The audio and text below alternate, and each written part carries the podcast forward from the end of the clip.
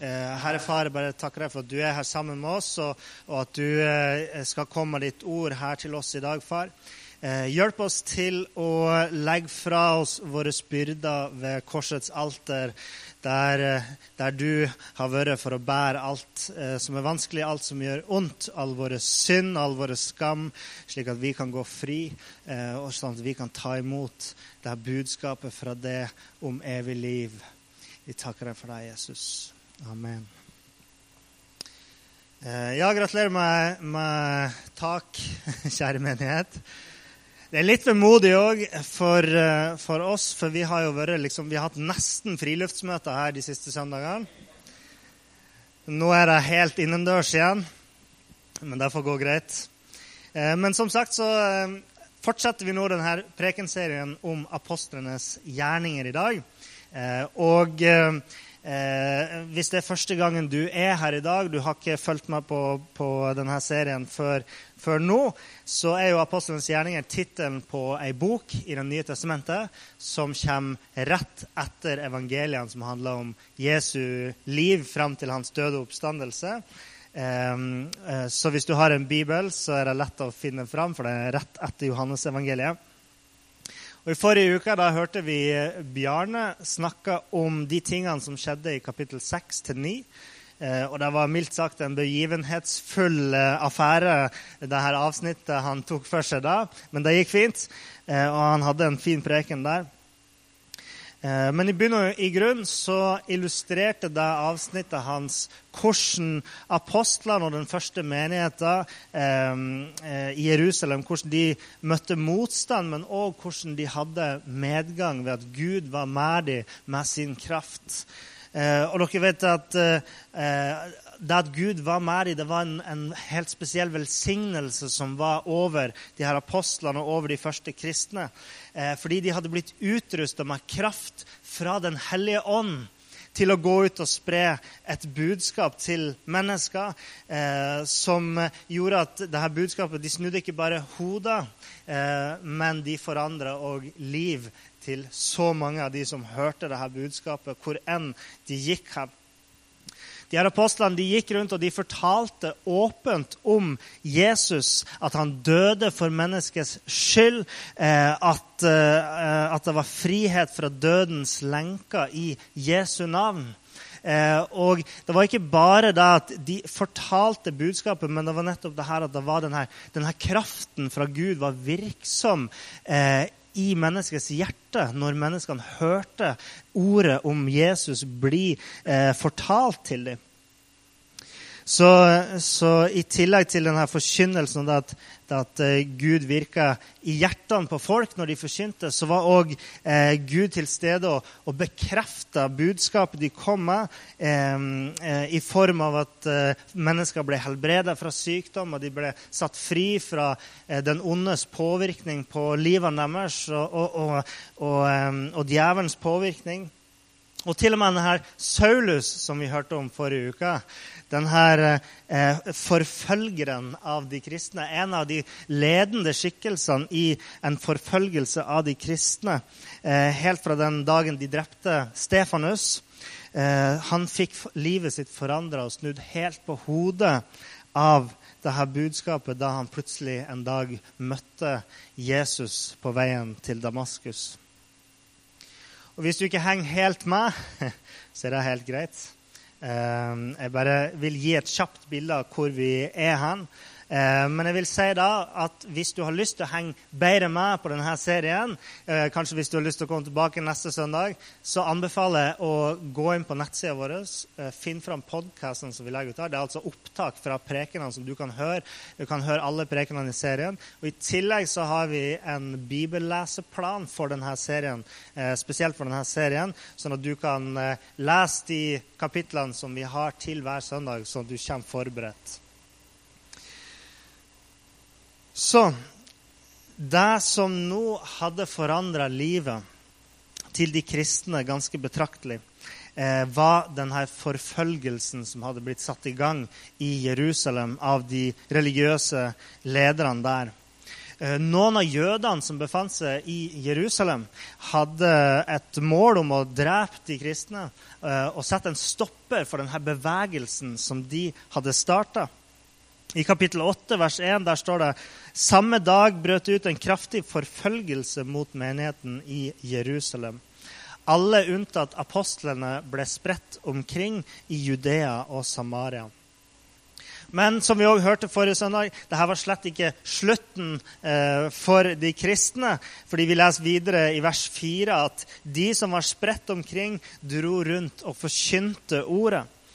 Overalt der de kristne dro, så fortsatte de å fortelle andre mennesker om Jesus. Og for de her motstanderne, de her eh, som ville sette en stopper for den kristne bevegelsen, så måtte de jo oppleve at uh, det her å jage de kristne ut av Jerusalem har vært en av de største feilene de har gjort. fordi da spredde det seg som ild i tørt gress. Uh, så de hadde egentlig bare i deres øyne gjort vondt verre da de spredte de kristne. Men alt det her det var en del av Guds plan, eh, og det var disiplene sitt kall nemlig å gå ut og fortelle det her til alle mennesker. For Helt i begynnelsen av apostlenes gjerninger så kan vi lese at Jesus han ga et kall til disiplene sine. Det står i vers, kapittel 1, vers 8.: Dere skal få kraft når Den hellige ånd kommer over dere. Og dere skal være mine vitner i Jerusalem og i hele Judea, i Samaria og helt til jordens ende. Og hvert steg helt fram til nå, hvert steg hadde vært i tråd med det her kallet som de hadde fått. Først så hadde de kristne forkynt i Jerusalem. Vi husker historien for noen uker siden om Peter og Johannes som helbredet den lamme mannen i tempelporten ved Den hellige ånds kraft, eh, og da fikk muligheten til å forkynne i Jerusalem. Og, selvfølgelig flere ganger enn det. Deretter så ble de spredt pga. forfølgelsen ute i Samaria og i Judea. Og I forrige uke så snakka Bjarne om at uh, Philip, en av apostlene sin, sine medarbeidere, dro til Samaria og fortalte evangeliet til samaritanerne. Uh, men det her at, at de her gode nyhetene om Jesus, evangeliet, at det ble fortalt til samaritanerne, var noe nytt for de kristne. Det hadde de aldri gjort før.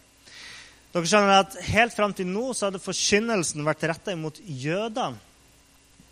Eh, jødene var Guds utvalgte folk. Eh, og Gud hadde utvalgt de blant alle folkene på jorda. Og sånn tenkte òg jødene om seg sjøl. De visste at de var Guds utvalgte folk. Jesus, For de kristne så var Jesus jødenes frelser. Han var deres Messias. Han var etterkommeren av deres store kong David. Denne historiske figuren som, som, som alle jøder kjente til. Men Philip, som var ganske fersk i jobben sin som taler eller forkynner eller evangelist, eh, han går til samaritanerne. Eh, og dette var et folk som var nærmest en, en slags blanding mellom ikke-jøder og jøder. De delte f.eks. mange av de samme skikkene som jødene. og De hadde som sine hellige bøker de fem Mosebøkene, som òg jødene hadde i sin bibel. Men på samme tid så hadde de òg noen vesentlige forskjeller fra jødene. sant? Så de var ikke jøder. Og jødene de så på samaritanerne som urein, som skitten, noe som de skulle holde seg borte fra. Eh, og dermed var samaritanerne, som bodde i samme område som jødene, eh, utstøtt fra resten av det jødiske folk og, og bodde litt sånn for seg sjøl, samtidig som de var i samme landet. Og, eh, og, Det var jo derfor at Jesus han provoserte så veldig når han fortalte denne kjente lignelsen om den barmhjertige samaritan, der de her jødiske religiøse skikkelsene går forbi en skadd mann, mens samaritaneren er den som viser barmhjertighet til dette mennesket i nød. Men uansett, tilbake til denne historien vi er i nå. Siden det var ganske spesielt at eh, samaritanerne begynte å tro på Jesus, så bestemte noen av apostlene seg for å dra fra Jerusalem til Samaria for å se hva det egentlig var som foregikk. Eh, siden apostlene var jo lederne av menigheter, og de, de, kom da dit til Philip for å bistå han og for å for å finne ut av ja, hva som foregikk. Og eh, For å gjøre en kort historie enda kortere De godtok samaritanerne som kristne, og de fortsatte sitt arbeid iblant dem, står det. Og Preken min i dag har jo tittelen 'Et budskap til alle mennesker'. For i dag så vet de aller, aller fleste kristne at uh, absolutt alle mennesker kan bli frelst. Akkurat som Johannes visste da han skrev i Johannes 3, 16 at for så høyt har Gud elsket verden at han ga sitt liv, nei, ga sin sønn, den enbårne, for at hver den som tror på ham, ikke skal gå fortapt, men ha evig liv. Han skrev jo tross alt ikke for så høyt har Gud elsket eh, bare jødene, eller for så høyt har Gud elsket eh, Israel eller Jerusalem, eh, men han skriver for så høyt har Gud elsket verden. Så de kristne de hadde gått ut med evangeliet i Jerusalem, Judea og Samaria. Der er vi nå. Så langt hadde de kommet. Jøder de hadde begynt å tro på de her gode nyhetene om Jesus. Og de her ikke-jødiske samaritanerne hadde også fått lov til å ta imot den gleden som det var eh, å, å tro på Jesus og bli frelst i Jesu navn. Så her ser vi både en geografisk spredning av evangeliet, men òg en demografisk. altså Den sprer seg òg i ulike folkegrupper, folkeslag. Eh, og Allerede nå så var det begynt å slå sprekker i denne jødiske tanken om eh, at det bare var eh, jødene som kunne ta imot Jesus, at Jesus bare var jødene sin frelser. Men det som gjensto, var jo verdens ende. Jesus kalte de til å forkynne i Jerusalem, i Judea, i Samaria og helt til verdens ende. Så la oss vende oss til kapittel 10 og 11, som er dagens tekst. Den første personen vi møter i kapittel 10, det er en romersk offiser som heter Kornelius. Kornelius var en såkalt hedning. Og Hvis du ikke er kjent med begrepet hedning, så betyr det i Bibelen egentlig bare en person som ikke var jøde, Sjøl om i dagligtalen så brukes det kanskje om folk som ikke er kristen, eller eh, hedensk hvis man snakker om ukristelige ting. Så Derfor så må du bare passe deg hvis en kristen kaller det hedning, så er det noe av det verste han kan kalle siden vi ikke kan bannes og sånne ting. Så nei, jeg tuller. Men Kornelius han var altså ikke jøde. Men likevel så hadde han en religiøsitet som ligna på den jødiske. Eh, han trodde på Gud, altså han trodde på Jave, eller den jødiske gud, eh, i stedet for å tro på alle de her romerske og greske gudene som var vanlige for, eh, for romere og grekere på den tida. Og Siden det står at han var en gudfryktig mann, så kan vi òg anta at det menes at han levde etter en form for bibelsk etikk, eller jødisk etikk. Altså han, han levde litt på samme måte som de, holdt de samme verdiene som jødene. Og plutselig en dag så kommer Gud til Cornelius, han sender en engel til Kornelius i et syn. Der Gud, denne engelen ber han om å oppsøke en mann som heter Peter. Og Peter var jo da en av Jesu disipler og nå en apostel. Og Det kan for oss virke nesten helt eh, tilfeldig at Gud velger å, å komme til Kornelius, eller sende denne engelen i et syn til Kornelius. Eh, men faktisk så står det i vers 4 her i kapittel 10 Dine bønner og gaver til de fattige har steget opp til Gud, så han er blitt minnet om deg. Og For oss så blir jo dette òg en påminnelse om at Gud han hører når vi ber. Eh, han bryr seg om vår bønn. Og, eh, og, men òg at Gud han gleder seg over de gode gjerningene vi gjør mot de fattige og de som har det vanskelig. Så Gud hadde ikke valgt Kornelius helt tilfeldig, men han svarte på Kornelius' bønn og fremfor alt hans, hans lengsel etter denne sanne guden som han trodde på. Og Kornelius fulgte da Guds bud, og han sendte noen menn for å finne Peter. Ikke lenge etter Kornelius hadde fått sendt ut de her menn som skulle finne Peter, så befant Peter seg i en by som lå litt sør for, for der Kornelius var. Og eh, da eh, gjorde han seg klar for å, å, be. Og da skjedde det noe med Peter som i hvert fall jeg kan kjenne meg igjen med når jeg eh, går for å be, at jeg plutselig kjenner at jeg er kanskje litt sulten. Og det var det Peter kjente på. At eh, han, begynte, han satt der og ba, og så kom det foran at han var sulten. Men akkurat da så kom han i en ekstase, står det her. Han så et syn. Og vi kan lese fra vers 11 og litt utover der, der, eh, der det står om det synet Peter fikk. Han så at himmelen åpnet seg, og at noe dalte ned. Det så ut som en stor duk som ble firt ned mot jorden etter de fire hjørnene. I den var alle slags firbeinte dyr og krypdyr som lever på jorden, og alle slags fugler under himmelen. Og en stemme sa til ham, Stå opp, Peter, slakt og spis. Men Peter svarte, Det kan jeg ikke, Herre, for jeg har aldri spist noe vanhellig og urent. For andre gang talte stemmen til ham. Det som Gud har sagt er rent, må ikke du kalle urent. Dette hendte tre ganger, og så ble duken tatt opp til himmelen igjen. Og da tenker jeg Det var jo dumt at Peter ikke sa ja eh, til det her, siden han var jo sulten i utgangspunktet. Men sånn var det. Han følte, det han følte var rett på det tidspunktet, men det var jo bare et syn, så, så han hadde sikkert ikke fått noe uansett. Men hør her. Eh, Peter ble forvirra når han så det. Han visste der og da ikke helt hva det her skulle bety. Og Sannsynligvis så satt han ei stund der og tenkte på hva det her var for noen ting. Og da kom de her mennene fra Kornelius for å finne Peter. De forklarte Peter hva som hadde skjedd, hva Kornelius hadde opplevd, hvorfor de hadde kommet. Og, eh, og så inviterte de Peter med seg hjem til Kornelius.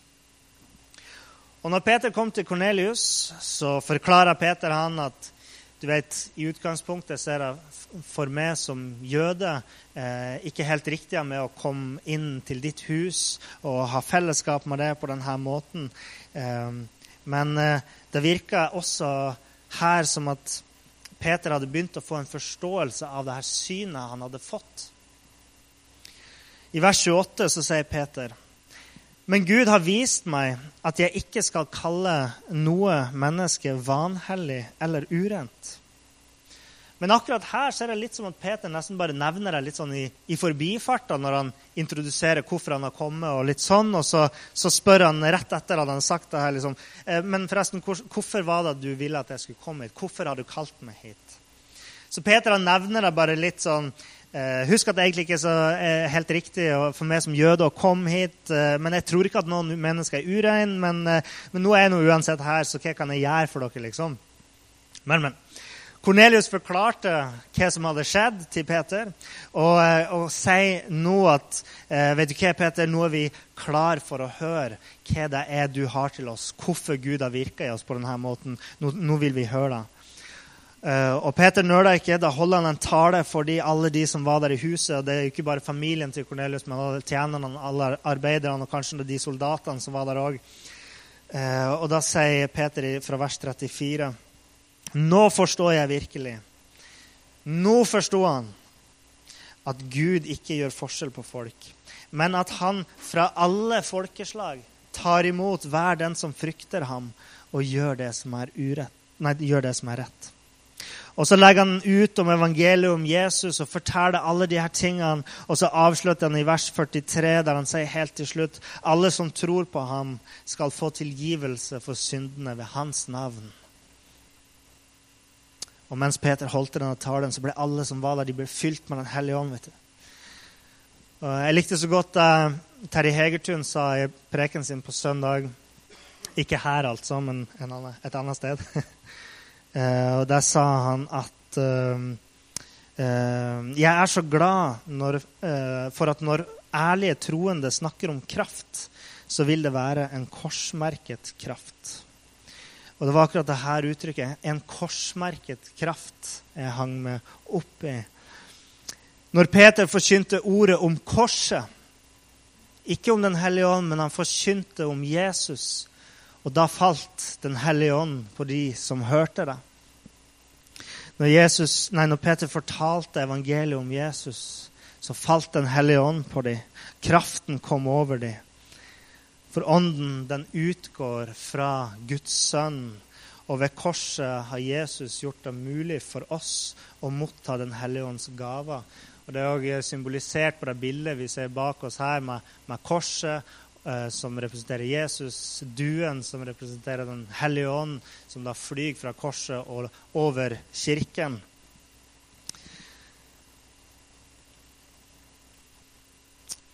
Men at Den hellige ånd kom til alle som var der, ja, det overraska jødene som var til stede der.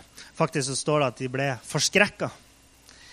Eh, og det står i vers 45 eh, at de ble forskrekket over at Den hellige ånds gave også ble utøst over hedningene. For de hørte dem tale i tunger og lovprise Gud. Og alt dette skjedde jo helt i tråd, som jeg, som jeg begynte med å si, at, eh, at Gud han, hele veien med apostlene så, så kom han eh, ikke bare og virka inn i hjertet på folk, men han viste òg med tydelige tegn at Den hellige ånd var virksom. Eh, og her òg skjedde det helt i tråd med det som hadde skjedd de siste dagene hvordan eh, Gud hadde snakka til Kornelius gjennom det her synet der han så en engel. Eh, hvordan Gud hadde virka gjennom synet til Peter. Og, nå denne sammenkomsten der Gud bekrefta riktigheten i Peters forståelse av synet han hadde fått, nemlig at Gud ønsker at alle mennesker skal bli frelst, og har gjort det mulig ved Jesu død. Eh, og Det var sånn Peter forsto det her. Og Derfor sa han det her til de forskrekkede jødene, som vi leser i vers 47. Disse har fått Den hellige ånd slik som vi. Kan noen da nekte dem vannet og hindre at de blir døpt? Nei, det kunne de ikke. og dermed så døpte de alle de som hadde vært til stede der. Det er òg interessant å merke seg rekkefølgen på hvordan tingene skjedde i denne historien.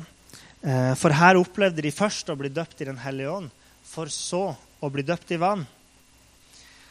Eh, og jeg vet at en del kristne har vært kritisk til eh, Ja, noen er kritiske til både det at man blir åndsdøpt. Noen er kritiske til ideen om at åndsdåp og dåp er to forskjellige ting mens noen er bare kritisk til rekkefølgen på tingene her. Noen sier at man skal først bli døpt i vann, og deretter i Den hellige ånd. Men uansett så er jo det her som vi leser her, det er jo både forståelsen til de her første kristne og det som faktisk skjedde. Og Det er derfor de forteller den historien. Og bare som en personlig kommentar så, så var det òg sånn jeg opplevde det i, i, min, eh, i mine tenår. at at eh, jeg ble døpt i Den hellige ånd, fikk eh, nådegaven til å tale i tunga. Eh, og to år seinere ble jeg døpt. Og bare Gud vet hvorfor det gikk to år imellom de hendelsene. Men sånn var det i hvert fall. Men det her var virkelig et godt gammeldags vekkelsesmøte i huset til Kornelius den dagen. Og I kapittel 11 så leser vi at etter å ha vært hos Kornelius i noen dager etterpå, så dro Peter til Jerusalem, der han møtte de kristne som var der. Og eh, en del jøder som hadde blitt kristne, som de fleste kristne var på den tida, så hadde de hørt om det som skjedde hos Kornelius, nemlig det her at hedninger hadde blitt frelst. Ikke-jøder hadde blitt frelst. Men det var ikke alle som syntes at det hørtes helt riktig ut. Så når Peter kom dit, så var det noen av de som begynte å diskutere det her med Peter. Og Da fikk Peter fortalt hele denne historien igjen om eh, hvordan Gud hadde vist et syn til han. Han fikk forklart det synet han sa, og hvordan Gud hadde virka i Kornelius og sendt ut de her mennene, så alle bitene falt på plass. Eh, og I vers 15 så leser vi at Peter han sier til dem Og da jeg begynte å tale, altså i Kornelius sitt hus, da kom Den hellige ånd over dem, akkurat som over oss i begynnelsen. Og da husket jeg Herrens ord, at han sa, Johannes døpte med vann, men dere skal bli døpt med Den hellige ånd. Når Gud har gitt dem den samme gaven som vi fikk da vi kom til tro på Herren Jesus Kristus, hvem er da jeg at jeg skulle hindre Gud? Og I stedet for at diskusjonen da fortsatte, for vi kjenner fra historiene eh, om Jesus hvordan jødene kunne henge seg opp i sånne her detaljer og krangle lenge om det og bli ganske så opprørt over diskusjonene òg, Men i stedet for at diskusjonen fortsatte, så står det at da de hørte dette, slo de seg til ro, og de lovpriste og sa, så har da Gud også latt hedningene vende om til livet. I noen oversettelser så står det at da ble det stille.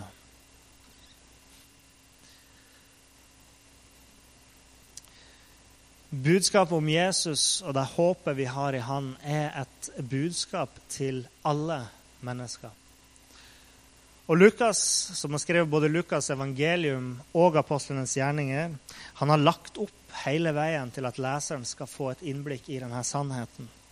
Helt ifra begynnelsen av evangeliet sitt, i Lukas kapittel 2, 32, dere trenger ikke å slå opp, men i Lukas 2, 32, der står det at Jesus er et lys som gir åpenbaring for hedningefolkene.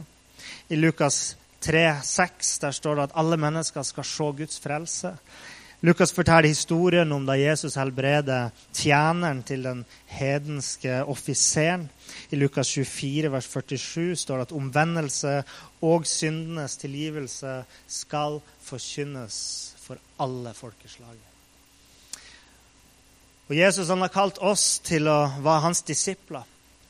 Og de han har kalt til å være sine disipler, de er kalt til å være vitner om han i hver krik og krok og krikete krok. Og, eh, og, hver enkelt person man møter, skal få lov til å høre evangeliet om Jesus. De gode nyhetene om at han har eh, gitt dem muligheten til å bli frelst i hans navn. Det betyr at det er ingen geografiske grenser for evangeliet.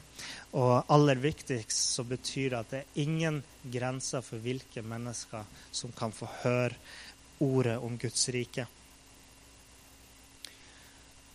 Og Da jeg jobba med denne preken, så slo det meg at jeg tror noen gang så Når man har vokst opp som kristen, så har man hørt det, man vet at evangeliet er til alle mennesker. Men eh, det slo meg at kanskje setter vi ikke pris alltid på det faktum at evangeliet har blitt gitt til alle mennesker. Som mennesker i et av verdens rikeste land, som da Norge er, så tar vi det kanskje som en, en selvfølge at budskapet er til oss. I Vesten har man jo historisk sett i hvert fall hatt en tendens til å tenke at uh, budskapet om Jesus gis fra oss til resten av verden. Men sannheten er jo at evangeliet blir gitt til oss ved Guds tydelige ledelse og kraft, som vi leser om her fra en liten avkrok i Midtøsten, eh, et sted på kartet som ser ubetydelig ut, og som i, forhold til størrelsen på dette folkeslaget, de her, jødene, så burde det nesten vært historisk ubetydelig. Men det var det ikke. De har virkelig satt historiens største spor, og det er pga. det Jesus gjorde, og det at det var noen disipler som ble fylt av Den hellige ånd og fikk kraft til å dele med resten av verden vår mest dyrebare importvare er evangeliet om Jesus. Og det er ingen sjølfølge at vi har fått det. For hvem av de her første kristne var det i begynnelsen som tenkte at en fyr fra en fjord i nord skulle få ta del i det? En hedning som òg er en synder etter min egen bekjennelse. At jeg skulle få del i Guds frelse. Jeg har ingen rett til den. Jeg har ingen krav på frelsen. Jeg har ikke fortjent den. Faktisk er det motsatt. Jeg har fortjent det motsatte. Jeg har fortjent at Gud holder seg langt vekk fra meg. Men i sin nåde, i sin kjærlighet, så strakk han sin hånd ned til oss, sendte sin sønn til verden for å gi oss muligheten til å ta imot evig liv. Han betalte prisen for oss og tok straffen for oss. Og han brøt barrieren mellom oss og Gud, og Jesus er den eneste broa mellom oss og vår Far i himmelen. Amen. Tenk at vi har fått dette budskapet. Tenk at Gud han tenkte på meg og det. Helt ifra verdens grunnlag, eh, grunnvoll ble lagt, så tenkte han på alle oss. At en dag så skal de få høre det. Det var hans plan. At han skulle legge ting til rette på denne måten. At budskapet skulle bli gitt til alle. Mange kristne de mener at um, Jesus ikke skal komme tilbake. Det er en helt vanlig teori at Jesus kommer ikke tilbake før alle folkeslag har hørt evangeliet.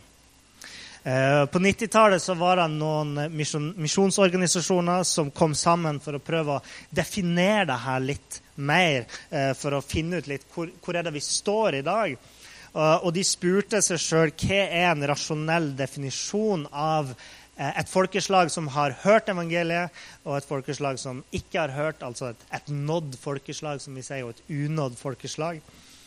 Eh, og Da definerte de det sånn at en folkegruppe som må regnes som enda ikke nådd med evangeliet, er alle de folkegruppene som enten har mindre enn 2 eh, sanne troende, eller mindre enn 5% bekjennende kristne. De gjorde et skille der.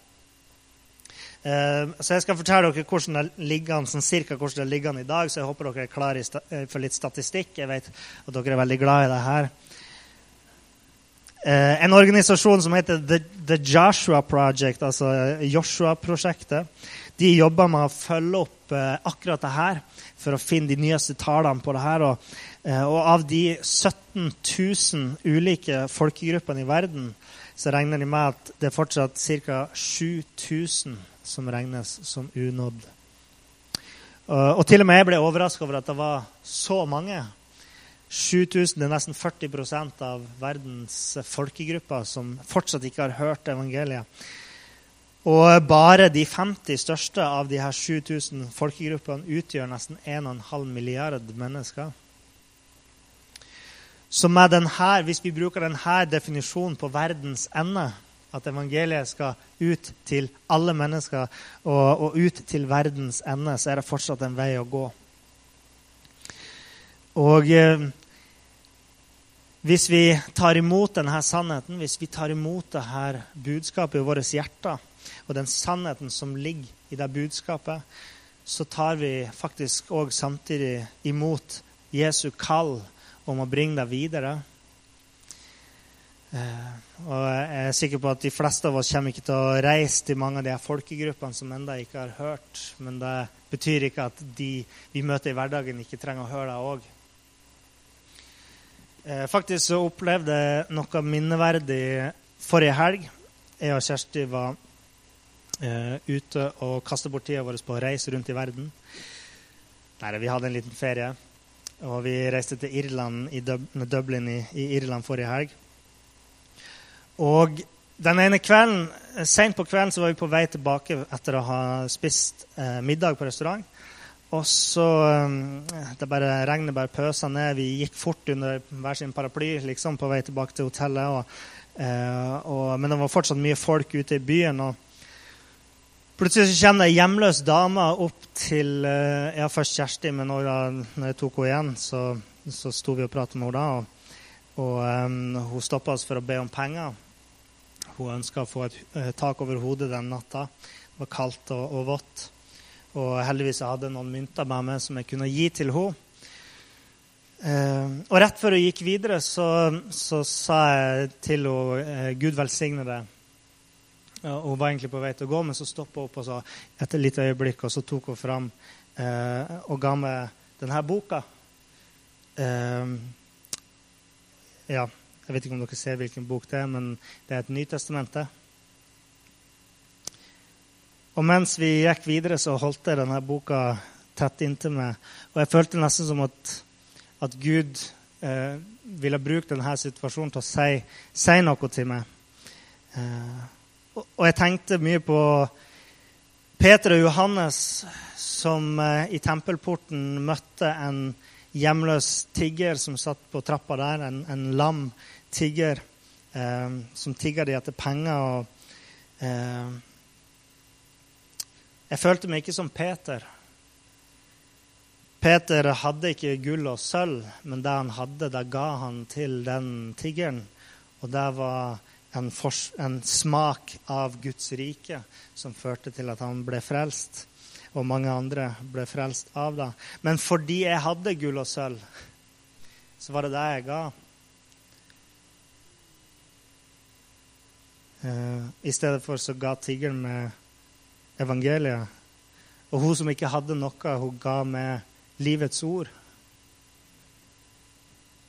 Wow. Eh, og i den historien som vi har gått gjennom i dag, så leser vi om hvordan Gud la alle ting, eh, nei, har lagt merke til Kornelius sine bønner og sine, hans gaver til de fattige. Så eh, jeg vet at Gud kommer til å huske det jeg gjorde mot henne, men òg som han kommer til å huske det hun gjorde mot meg. Samtidig så er det nettopp sånn det er. At evangeliet gis ikke fra de rike til de fattige, eller fra de fattige til de rike, men det gis fra de som tror, de som har sannheten i hjertet, til de som ikke har den. I dette tilfellet var det jo fra en som tror, til en annen som tror. Men uansett så tror jeg at jeg har blitt rikere i, i ånden av den opplevelsen. Det hun gjorde mot meg, har virkelig gitt meg noe og, og gjort meg eh, ydmyk overfor det oppdraget som vi, som vi har. da. Og, og, og eh, ja, Det var nesten som at Gud tok meg litt på fersken. liksom, At jeg ga penger i stedet for å fortelle henne sannheten. Men de gode nyhetene om Jesus de er til folk som er og det. Jeg håper å si til og med til en som er, og en som det. Og Jeg vet ikke hva du har gått gjennom i ditt liv, men jeg vet at uh, dess større bristen er hjertet vårt, dess mer rom er det, og større, dess større er nøden for Jesus å komme og fylle den bristen. Og husk hvordan Gud på underfullt vis la alle ting til rette i historien om apostlenes gjerninger, som vi har gått gjennom i dag. Hvordan han sendte denne engelen til Kornelius hvordan han, han viste Peter det her synet. Hvordan han sendte sin Hellige Ånd over Kornelius sitt hus. Alt det her for at de skulle forstå at evangeliet var ment for hele verden. Så be om at han skal virke i ditt liv på samme måten i dag. Eh, og husk på hva Gud allerede har gjort for det. Han har gitt sitt liv for det. For at du skal kunne komme til han og ta imot det håpet han vil gi oss. Og husk at han har, han har vært virksom i denne så lenge for at du skulle få mulighet til å høre om Jesus. Og sånn at du skulle få en invitasjon til evig liv i dag. Herre Far, vi takker deg, Jesus, for at du har vist oss denne nåden, så vi kan komme til det akkurat sånn som den vi er så at du kan ta over vårt liv, løfte av våre byrder og hjelpe oss på veien videre. Herre Far, vi takker deg for det budskapet. At du la ting til rette på denne måten. Ikke bare på den tida, men opp gjennom hele historien. Som, alt som har ført til at akkurat jeg og akkurat du har hørt nyhetene om Jesus. Jeg takker deg for at Din Hellige Ånds kraft fortsatt er virksom i menigheten og holder oss gående, Herre. Og vi ber om, om stadig ny kraft, nytt mot, så vi kan tørre å, å, fortelle evangeliet til de fattige og til de som trenger å høre det. Og ikke bare hjelpe folk med det praktiske eller gi dem pengegaver, men, men i, i alle, alle relasjoner at vi kan få mot til å fortelle andre mennesker om det. Vi takker deg.